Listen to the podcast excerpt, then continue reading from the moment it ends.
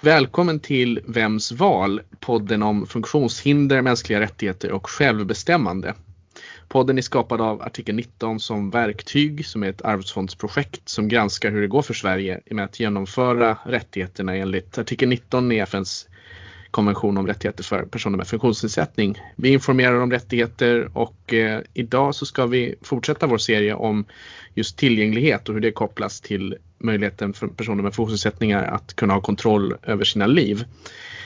Och med oss idag har vi Jamie Bolling som är verksamhetsledare på Independent Living Institute och Hans von Axelsson som är utredare på Myndigheten för delaktighet. Så välkomna hit, vad kul att ha er med. Eh, tack så mycket. Eh, och jag ska också säga det att eh, jag är ju med i en referensgrupp eh, till det här projektet kring artikel 19 och det tycker jag är väldigt spännande och intressant och roligt. Just det, det stämmer. Vi träffas ju ibland i referensgruppen och diskuterar olika frågor kopplade till rättigheter enligt artikel 19 och hur vi kan jobba bättre och så förankra våra processer. Så det är kul att du är med i det också från Myndigheten för delaktighet. Mm. Jättebra. Jag ska berätta lite om de tre olika, tre inbjudna till den, i den här serien. Vi kommer att ta, det är Hans Philipsson som ledde, som ledde marschen mot diskriminering av personer med funktionsnedsättning under tio års tid. Maria Johansen som var utsedd 2015 till årets lobbyist för initiativen till torsdagsaktionen ett viktigt verktyg, tycker jag i alla fall, i kampen mot diskrimineringen. Och sen idag har vi Hans van Axelsson som med sitt eh, 20-åriga myndighetsperspektiv på diskriminering av personer med funktionsnedsättning fram till universell utformning. utformning. Ja, eh, då kan vi säga så här då att jag eh, är, som, har också jurist som Ola i utbildningen Eh, och jag började jobba på Handikappombudsmannen 1994. Eh, och eh, det som hände, det kom ju en proposition med en handlingsplan för funktionshinderspolitiken 1999 som hette Från patient till medborgare. I den propositionen så var ett av förslagen att det skulle inrättas ett tillgänglighetscenter på Handikappombudsmannen.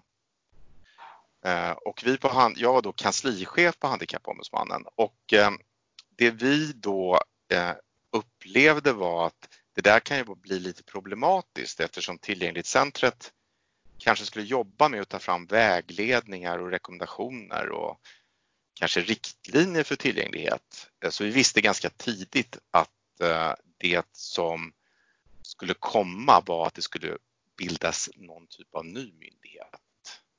Men vi körde på väldigt hårt eh, och den som var projektledare från början, det var samma person som också var projektledare för den där propositionen. Han blev, Lars Lindberg heter han, eh, och han blev sen sakkunnig åt Berit Andnor i regeringen som Socialdemokraterna eh, bildade, jag tror det var 2002. Så då gick jag in och blev verksamhetschef och kanslichef samtidigt eh, på eh, Handikappombudsmannen och sen följde jag med i verksamhetsövergången till Handisam.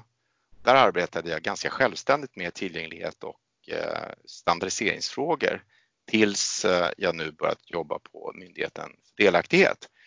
Summan av det där då blir att eh, jag är den enda tjänsteperson som har varit på de här tre övergripande eh, myndigheterna inom funktionshindersområdet sedan 1994. Så det är en ganska intressant merit. Så jag kan ju då eh, eh, gå tillbaka historiskt sett och berätta lite vad som har hänt.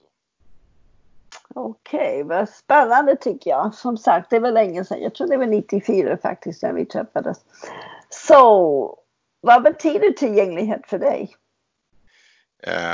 Alltså, för, för mig, alltså det, det, här är ju väldigt intressant. Eh, jag, I början så var det ju eh, så att eh, jag prat, man pratade väldigt mycket om tillgänglighet som att det var någonting som var ganska självklart. På den tiden i början på 90-talet så var det ju framför allt försvar utav de lagar då som fanns, LSS och annat, det var lika tufft då som det är nu. Och man tog tillgänglighet lite för givet så att säga. Eh, det var egentligen först när jag började jobba med tillgänglighetsfrågorna i det här tillgänglighetscentret som jag började på riktigt förstå vad frågan innebar. Eh, och eh, det här har utvecklats med tiden. Ju mer jag har lärt mig om hur samhället, miljön, omgivningen, produkter, tjänster är uppbyggda, desto då förändras det här tillgänglighetsbegreppet begreppet på något sätt eh, i, i, i, i mig. Idag skulle jag säga att eh, tillgänglighet eh, är ett, en övergripande beskrivning på när det är så att miljö och omgivning, produkter, tjänster och så vidare inkluderar alla oavsett behov, egenskaper och funktionsförmåga. Tillgänglighet är det som beskriver eh, slutresultatet som man strävar efter hela tiden. Sen kan man ibland också då använda begreppet användbarhet som går ännu lite ett steg till eh, eh, på individuell nivå för att se hur människor uppfattar specifika situationer, om de kan göra det de vill och om de kan göra det effektivt och om man kan göra det med tillfredsställelse. Så ungefär så ser jag på, på tillgänglighetsbegreppet och det, det är någonting som skär igenom alla samhällssektorer. Eh, ganska ofta är det så att kraven är de samma.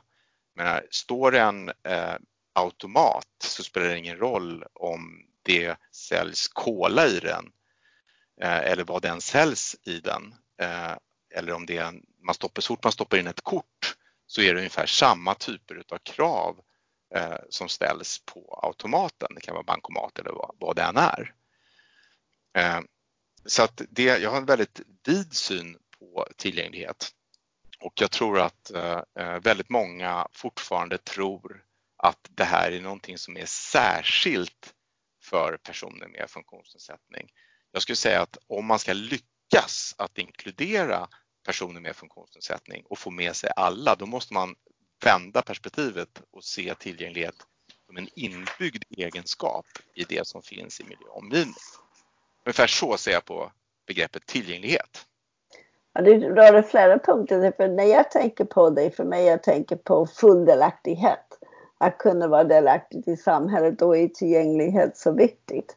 Användbarhet, det var intressant att du tar fram den, för naturligtvis det kunna ha tillgång till all service eller använda den där kaffemaskinen eller vad det är. Men sen är, när man tänker på termen tillgänglighet, jag har ett problem för idag man använder det till det kan betyda att vara tillgänglig i tid, att man ska få ta i mig för att kunna ha en Zoom till exempel. Så den kan, ja, den betyder olika för olika personer om man säger så. Det betyder olika och jag tycker det är intressant. Alltså, på engelska är det ju inte riktigt så, eh, utan eh, där använder man ordet access to. Ja, precis. Eh, och det är lite vidare, alltså det betyder både tillgång och att du kan komma nära så att säga. Mm, mm, mm. Och sen så fort du kommer till accessibility, då, är, då handlar det ju mer om att du på riktigt kan använda saken. Mm, precis. Så, så, så där har vi lite, vi har haft lite begreppsproblem i Sverige kring det. Eh, men eh, jag tror att det är viktigt att stå på sig där, för jag tycker det är konstigt att man till exempel inom vården pratar om att vården är tillgänglig. Mm. När man egentligen pratar om att det finns tillgång till vård på vissa tidpunkter. Precis, precis. På samma mm. sätt pratar man ju om det inom transportområdet att det ska finnas tillgänglig trafik så att säga. Och det man menar är ju att det finns tillgång till trafiken vid vissa mm. tidpunkter. Mm. Så att eh, jag tycker snarare att man måste liksom eh, stå på sig lite kring tillgänglighetsbegreppet istället för att vika ner sig mot de andra. Mm. Och det gäller att hela tiden förklara vad det betyder. Precis. Jag tänker du, har, du kommer att prata mer utifrån din myndighetsroll men jag tänker också, jag då som har varit aktivist i många år, jag har sett att det var viktigt med marschen och torsdagsaktionen. Men och även massanmälningar till HO. Hur har du sett på de olika, hur uppfattar myndigheterna våra massaktioner eller vad man ska säga? Eh, alltså det där är, eh, så här ska jag svara. Jag, under den här tiden så, så hade jag ju på riktigt börjat bli engagerad i eh, tillgänglighetsområdet. Jag jobbade jättemycket med digitala frågor och sånt. Eh, och jag följde det där och tyckte det var jättebra att man fick fram frågan på agendan och att man visade kopplingen Eh, mellan att det är otillgängligt och att människor blir exkluderade och diskriminerade. Det tyckte jag var superbra. Och jag tyckte också att det var eh, eh, bra att man eh, visade med de här massanmälningsaktionerna för det visade ju att det fanns ett stort behov av att göra saker. Samtidigt eh, så finns det en annan sida av detta eh, och det, den sidan är ju att till exempel inom eh, byggd miljö så rörde ju massanmälningsaktionerna det som kallas för enkelt avhjälpta hinder. Och enkelt avhjälpt, det kanske inte ens är tillgängligt utan det är en viss nivå på saker som man kan göra i byggd miljö enligt en föreskrift från Boverket. Eh, så möjligen kan det ha varit så att eh, lite av det här fokuset Eh, från att göra rätt från början och att bygga saker och ting som var bra, funktionella, vackra och så vidare eh, försvann eftersom man fokuserade väldigt mycket på de här eh, diskrimineringsfrågorna. Med det sagt vill jag inte säga att det är viktigt, för det är det. Det är superviktigt. Mm, ja. ja, jag minns det, för jag tror ni fick väldigt, väldigt många anmälningar i och som du säger, det här med enkelt avhjälpt. det, ja, det har inte varit lätt. Ah, jag tappar min röst. För som sagt, det är ju, ja, det inte betyder man, man fick tillgång till det man ville egentligen. Jag ska, jag, ska, jag ska säga en annan sak också som jag tyckte var, om man då, alltså det jag, om man då tar min historia lite här då så eh, jag började jobba på Handikappombudsmannen 94 som jag sa. Eh, och när, när det hade gått ett halvår ungefär så tänkte jag så här, ja vad konstigt, får man ingenting gjort på en myndighet. Sen efter ett tag så insåg jag, oj det tar lite tid att göra saker. Eh, sen, eh, jag tror att det var sommaren 95 till och med, kanske till och med april, maj eller någonting, så åkte vi iväg till USA för att eh, studera den amerikanska diskrimineringslagstiftningen med fokus på arbetsmarknadsområdet. Då tog vi ett helt gäng som var från Sverige. Det var från myndigheter, det var från funktionshindersorganisationer och sådär. Och då fick vi träffa eh, alla de eh, företrädarna som hade varit med och drivit igenom the American with Disabilities Act. Eh, och det var jätteintressant. Det var en från senaten som heter Silverstein som var väldigt eh, eh, inblandad. Och så var det en man i amerikans, eh, i, han, hade, han kom från Texas, väldigt rik, eh, som alltid hade på sig cowboyboots och Stetsonhatt eh, som använde rullstol. Eh, och han eh, eh, eh, var väldigt drivande i det här. och så fanns det en kvinna som också var med i den här Crip Camp som ni har sett på Netflix kanske, Judith Human henne fick vi också träffa. Mm. Eh, och eh, eh, så var det flera andra. Men det var först då som jag förstod eh, på riktigt eh, den här kampen eh, och hur man hade kämpat och hur man fick höra historierna om hur man hade slängt sina rullstolar och krypt upp för trapporna till Kapitolium och så vidare och så vidare. Så där kom vi hem med då, väldigt engagerade Eh, och eh, eh, kom till den svenska kontexten där det då efter ett tag med hjälp av EU plötsligt blev väldigt akut för det kom direktiv från EU som sa att man skulle ha diskrimineringsskydd för inom arbetslivet. Då, då. Och sen så började vi jobba med de här frågorna. Mm. sen blev, men mitt verkliga engagemang det kom egentligen mot slutet av 90-talet när jag eh, eh, var med i det här så kallade bemötandeuppdraget. Som egentligen var raka motsatsen eh, till rättighetsperspektiv och antidiskriminering. Det handlade mer om att man med hjälp av att sitta och prata med varandra och så vidare. Eh, egentligen var ju från början så handlade det om hur man skulle eh, bemöta individer som skulle få stöd från samhället. Men så vidgades det här till att bli något mycket, mycket större. Under några år så var det där ganska aktivt då. Men eh, det försvann ju eh, och sen så kom ju eh, kraven på att man skulle ha eh, eh ett vidare diskrimineringsskydd. Eh, och eh, det första som hände var att eh, man bestämde sig för att göra någonting med, inom högre utbildning. Eh, och då måste jag berätta en anekdot som jag tyckte var lite kul. Det här var en sommar eh, och det här var också krav från EU som man skulle göra någonting åt då, så vitt jag kommer ihåg. Och eh, då, då, då delegerade de olika ombudsmännen, för då fanns ju massor med olika ombudsmän, det här till sina kanslichefer att hantera detta. Eh, så vi var uppe på ett möte och skulle titta på och egentligen finslipningar av det här dokumentet och då började, eh, och det gick inte så bra för eh, kanslichefen på diskrimineringsombudsmannen utan det blev väldigt sådär engagerat på ett felaktigt sätt. Räddades upp ganska bra utav kanslichefen från dåvarande ombudsmannen på grund av sexuell läggning eller på grund av diskriminering på grund av sexuell läggning. Och sen var det min tur då och jag hade en sak som jag tyckte var viktig att få in som inte riktigt var med och det var det här med att vi ville ha det som då kallades skäliga stöd och anpassningsåtgärder som fanns i, i arbetslivsdirektivet eller i arbetslagen också inom högskola.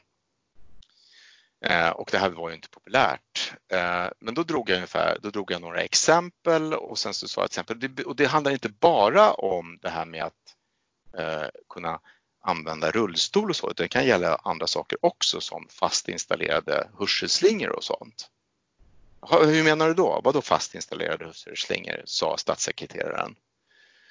Jo men, eh, eh, ja, men till exempel att eh, man ska kunna höra vad som sägs på en föreläsning. Ja, det är ju jätteviktigt. Min son är hörselskadad, sa hon. Så då, det tror jag hade varit en bidragande orsak till att just det kom in. Men det begränsades till lokaler. Sen fortsatte det och sen, sen rullade det på och eh, så småningom så, eh, så tillsattes det en ny utredning och någonstans 23-24 eh, så började vi jobba med det här och då fick vi ett uppdrag från den utredningen. Och då tog vi fram ett underlag. Och om man tittar tillbaka så här så är det väldigt mycket av det underlaget som sen låg till grund för det som blev diskrimineringslagen 2015 när man förde in Eh, kravet på skäliga åtgärder. Eh, och då, då, då var det faktiskt så att det var min idé det här att frikoppla eh, bristande tillgänglighet från de andra diskrimineringsgrunderna, de andra diskrimineringsformerna för att låta det vara någonting eget. För det, ju, det, kan ju både vara indirekt och direkt och alltihopa det här så att vi tyckte att det var bättre om det var en egen. Och det, det fördes sedan in i lagstiftningen.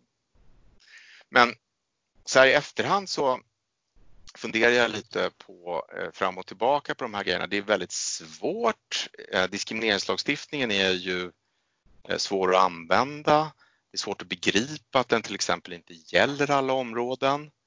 Eh, den är väldigt otydlig när det gäller offentlig verksamhet. Där är det bara typ eh, bemötandefrågor som omfattas. Det här med att eh, man till exempel inte hade levt upp till enkelt avhjälpta hinder och sånt, det omfattas inte.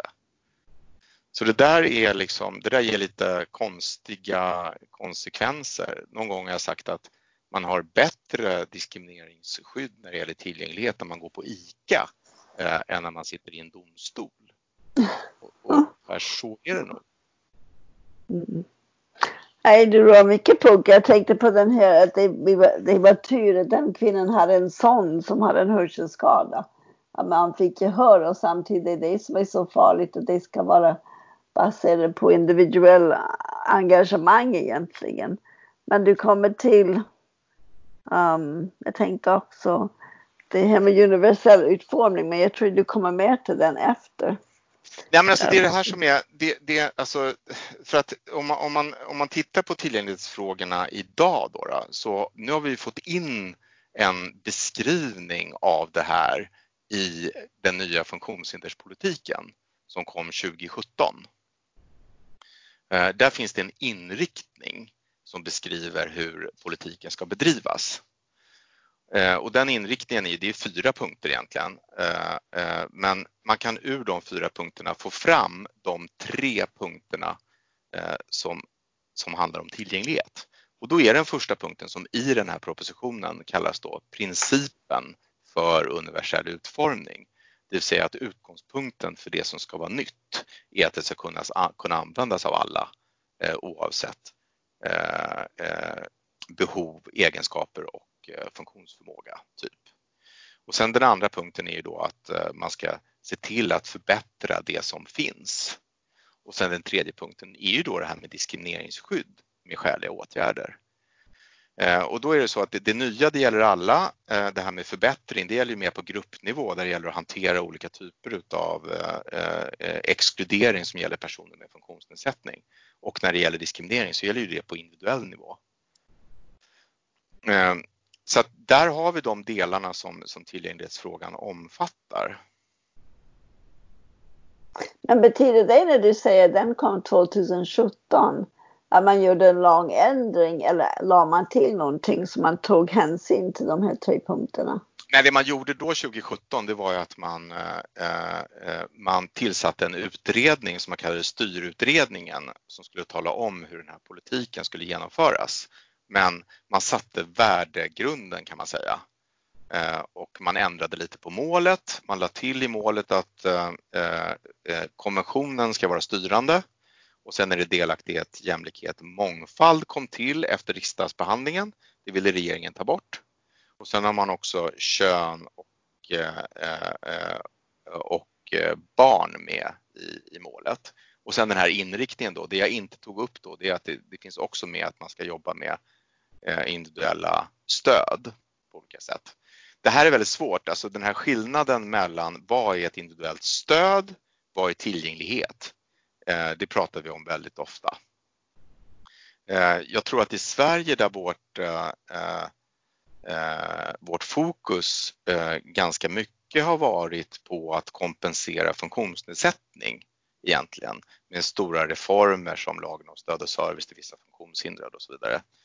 Eh, vi har haft lite svårt att ställa om eh, till att se det här med miljö och omgivning som det eh, som är något man måste fixa till också. Och väldigt många har också velat polarisera mellan de här två sakerna, det vill säga att eh, om vi fixar bättre tillgänglighet så kommer vi kanske behöva mindre individuella stöd. Och så kan det kanske vara i vissa fall. Men det är helt olika frågor, det är helt olika processer och det beror helt på i vilken situation du befinner dig. Sen är det också många som blandar ihop när den generella tillgängligheten inte räcker till så kan man ibland behöva göra någon typ av särskild stödåtgärd i det enskilda fallet, det som då är skäliga åtgärder som då riktas till individen för att kunna komma in på ett museum eller någonting. Men det är någonting annat än att få hjälp att komma upp ur sängen eller eh, kunna jobba på vad är rehabilitering eller något annat individuellt stöd eller få bostadsanpassningsbidrag eller något. Så det här är, det är väldigt, eh, eh, området är ju på det sättet utmanande eh, för det är komplext. Ja, när du pratar, man hör hur komplext det är egentligen att bli diskriminerad. Men idag har det ändrats mycket. Men när du pratar, jag känner igen många av de här olika poäng som du gör och hur komplicerat det är. Det är väldigt komplicerat. Dessutom är det så att varje eh, individ har ju olika behov. Precis. Mm. Och det intressanta med allt det här det är att man skulle kunna kalla de här sakerna då, egentligen så är det ju två saker man behöver göra. Eh, det är ju att du behöver göra saker och ting tillgängligt och du behöver skapa utrymme för att ge en individ stöd för att kompensera sin funktionsnedsättning. Eh, och det här är, det här, de här sakerna löper parallellt och går in i varandra beroende på de individuella behoven. Eh, sen har det varit, tror jag, ibland problematiskt att eh, väldigt stor del utav vårt community eller samhället då, som har varit engagerade i funktionshindersfrågor har mest varit engagerade i individuella stöd. Och det är lite andra parametrar som gäller när du gör saker i relation till en individ. Och när, du måste, när du vill förändra en hel struktur eller ett helt samhälle eller en, bygga en ny produktkedja eller se till så att saker och ting eh, hänger ihop.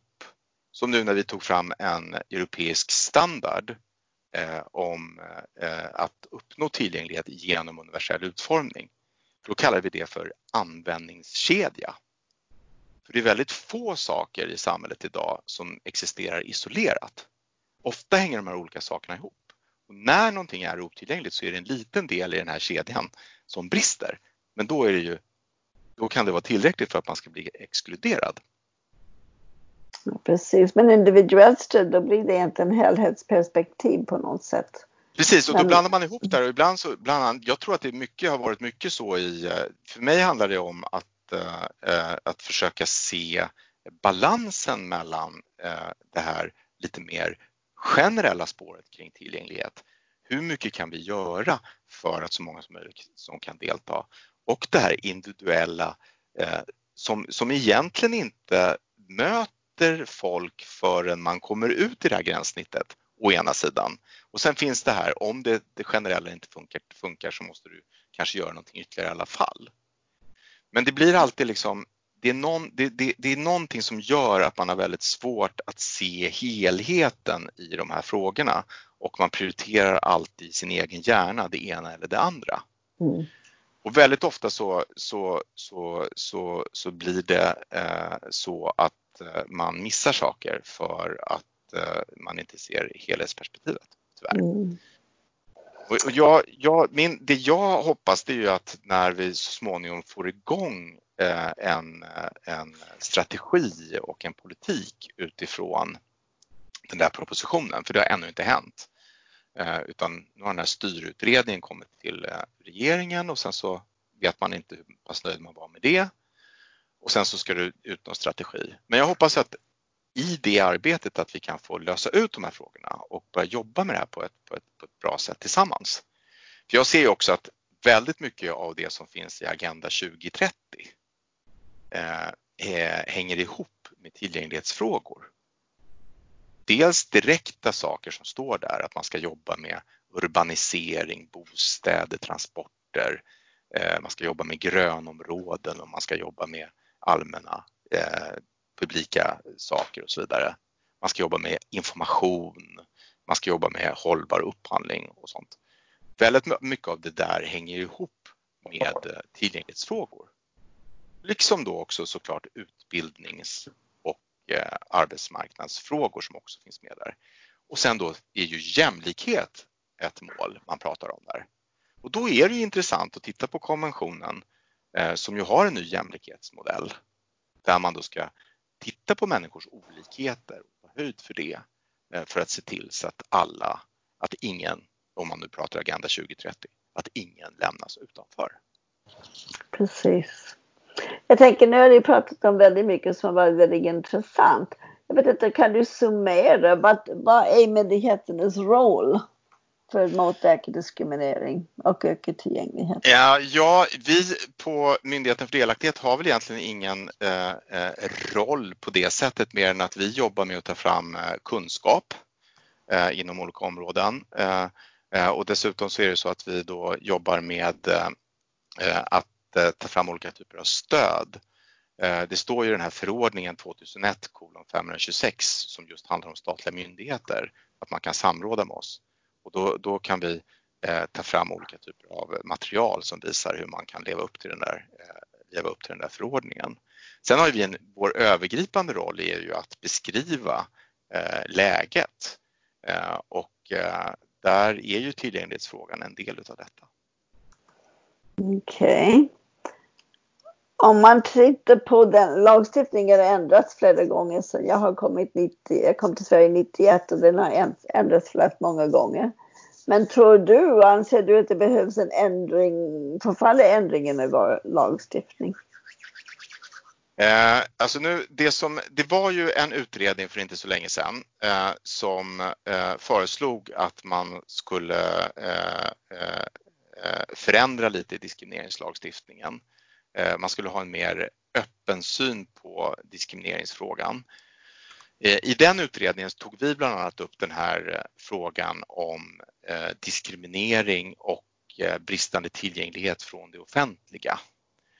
För det träffas inte generellt utav diskrimineringslagen utan det är bara de områden som särskilt lyfts fram som till exempel socialtjänst, arbetsmarknadspolitik, Eh, vård som träffas.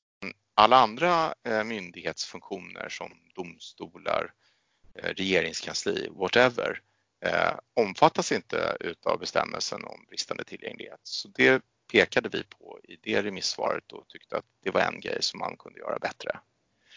Sen tycker jag då att eh, någonting annat som man skulle kunna fundera kring det är ju att eh, när nu eh, kommissionen, eller vad säger kommittén kom med eh, sin allmänna kommentar om jämlikhet och diskriminering nummer 6 eh, så skulle man fundera lite kring om lagstiftningen, eh, hur den skulle kunna förändras för att på ett bättre sätt hänga ihop med det som står i den allmänna kommentaren.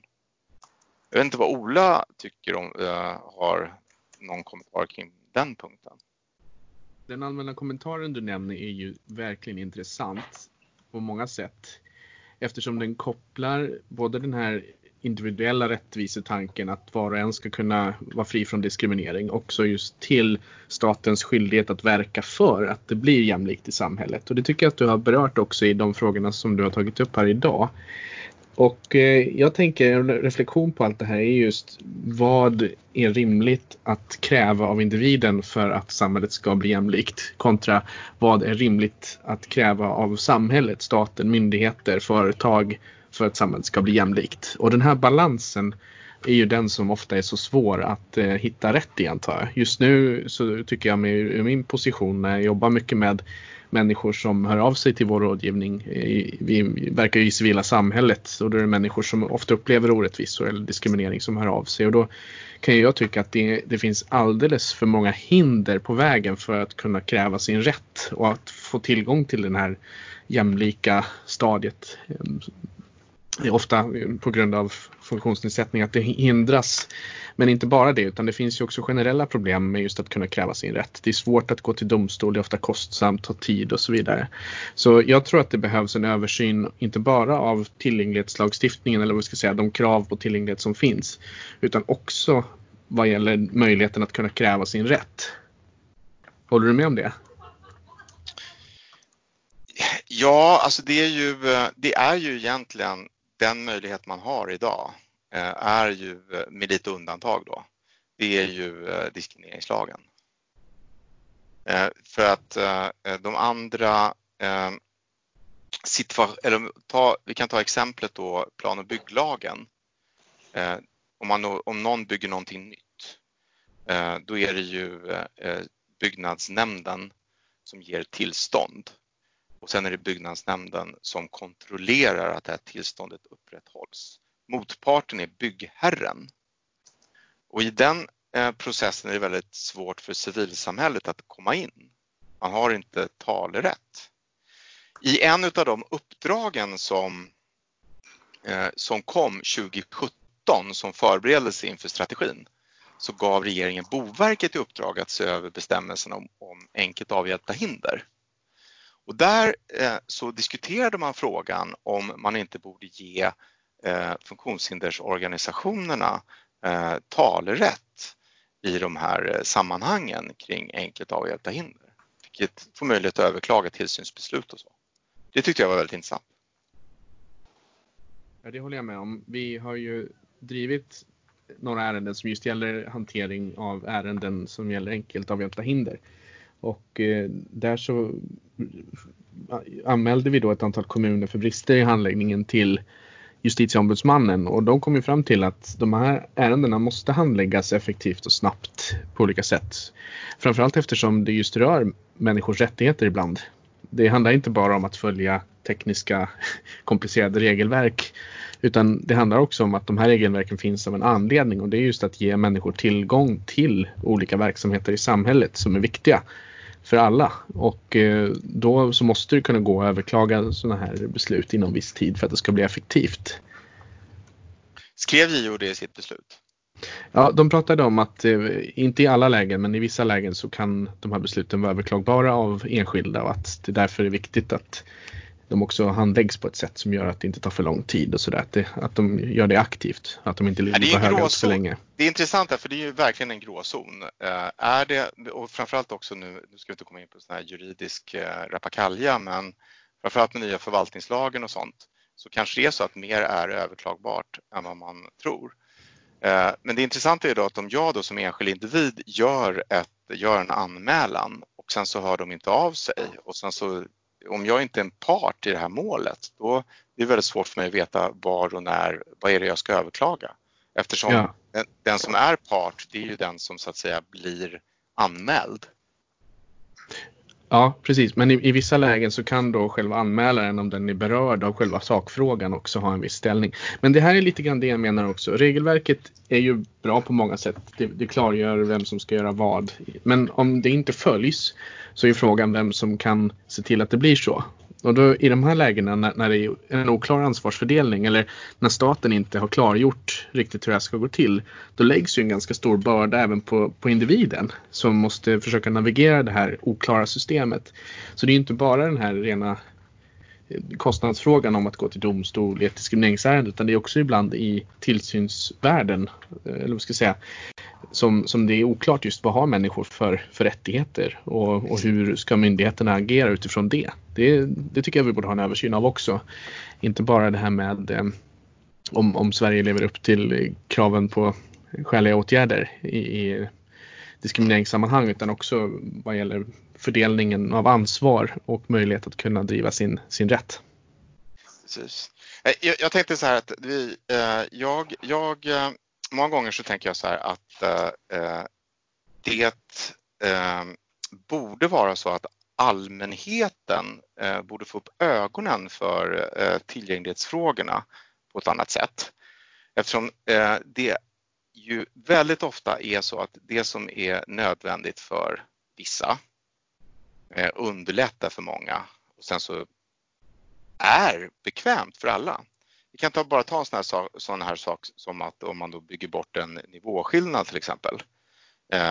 Då, kanske man, eh, det, då kanske man tänker lite flexibelt och är duktig på det. Då har man både en trappa och en ramp. Eh, men när man står där och mäter hur många det är som använder rampen, då kommer man att förstå att det är väldigt, väldigt många som gör det. Så egentligen är det trappan som är tillgänglighetsanpassningen. För vissa är det lättare att gå i trappa. En annan sån här sak som jag, eh, ja. tänker, som jag mm. tänker på det är ju att eh, eh, man står på en flygplats till exempel. Ibland så har de tv-skärmar och så står någon och pratar där. Men det är helt omöjligt att höra vad som sägs på den här tv-skärmen. Mm. Och sen ibland är det textat och då, då är man ju helt med. Eh, och det är samma sak med det här med när man är ute och åker buss och sånt. Eh, sådana här displayer som kommer med text. Det är ju, det är ju egentligen till för personer som, är, som, eh, som inte hör. Det är jättebra för alla att man både får information eh, via ögonen och, Eh, eh, och hörseln. Och kanske inte minst då för personer som har kognitiva eh, svårigheter.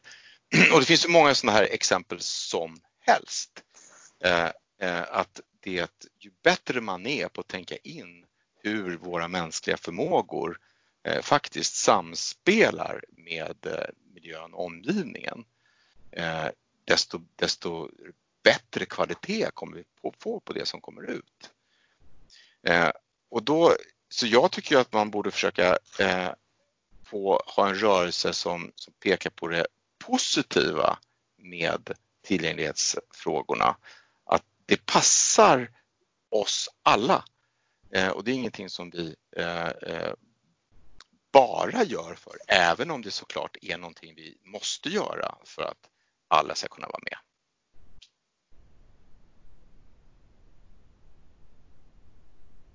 Vad hände? Jag, försöker, jag tänker. Ja, det är många tankvär tänkvärda Ja, saker som vi precis. diskuterar här nu tycker jag verkligen. Ja. Hade du några fler frågor Jamie som vi skulle ta upp här Nej, jag skulle, nej, egentligen man, jag satt och tänkte hur man ska, för det är så mycket, det är många tänker, det är viktiga synpunkter. Den sista, men hur ska man avsluta då den här, så, den här podden? Vad är den viktigaste budskap? Det känns kanske lite... eh, Nej, men jag, jag, jag, jag skulle kunna göra ett försök då. Liksom, att, Ja, precis. Eh, alltså om man, om man utifrån någon form utav eh, eh, eh, generellt jämlikhetstänkande och så tänker man sig då att ja, efter andra världskriget eh, så började det byggas upp ett regelverk kring mänskliga rättigheter som reaktion på det som hade hänt. Eh, I och med det här så har man då successivt utvecklat jämlikhetsbegreppet. Eh, och eh, parallellt har det ju pågått massor med, eh, med, med saker. Eh, det är klart att eh, man, vi i Sverige till exempel jobbade ju stenhårt med standardreglerna och alltså FNs standardregler som föregick konventionen men som inte var en konvention utan ett, ett annat instrument. Eh, och det var rörelse kring det som då det som kallas design för alla, inclusive design, universal design och så vidare. Eh, det har, varit, det har funnits den amerikanska tillgänglighetslagstiftningen. Eh, nu börjar EU sakta men säkert komma ikapp. Vi har fått webbtillgänglighetsdirektivet där vi har kommit lite längre än USA. Eh, vi har ett nytt tillgänglighetsdirektiv på gång som sätter, sätter fokus på nya moderna produkter och tjänster där vi också kommer att kanske komma längre än USA. Och, men vad alltihop här handlar om eh, det är ju att vi är människor, vi är olika.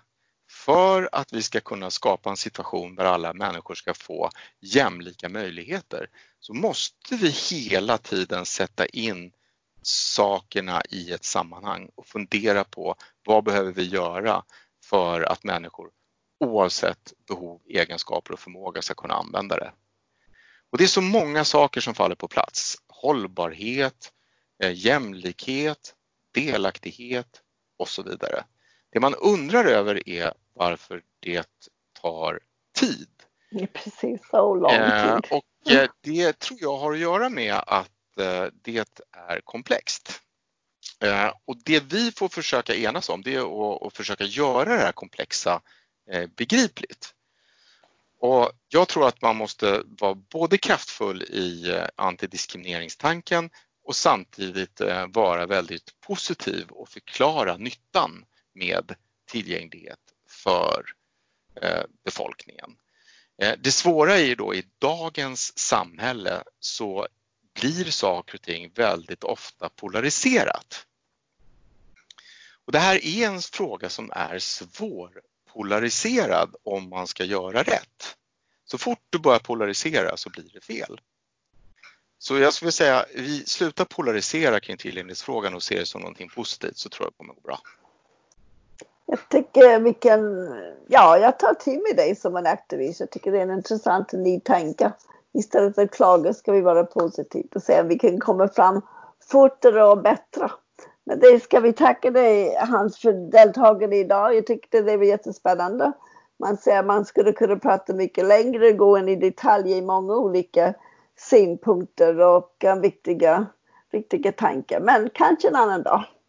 Annars säger jag tack, uh, tack till dig, tack Ulla och vi avslutar och um, ja, vi får en diskussion i en annan sammanhang en annan gång. Tack ska ni ha.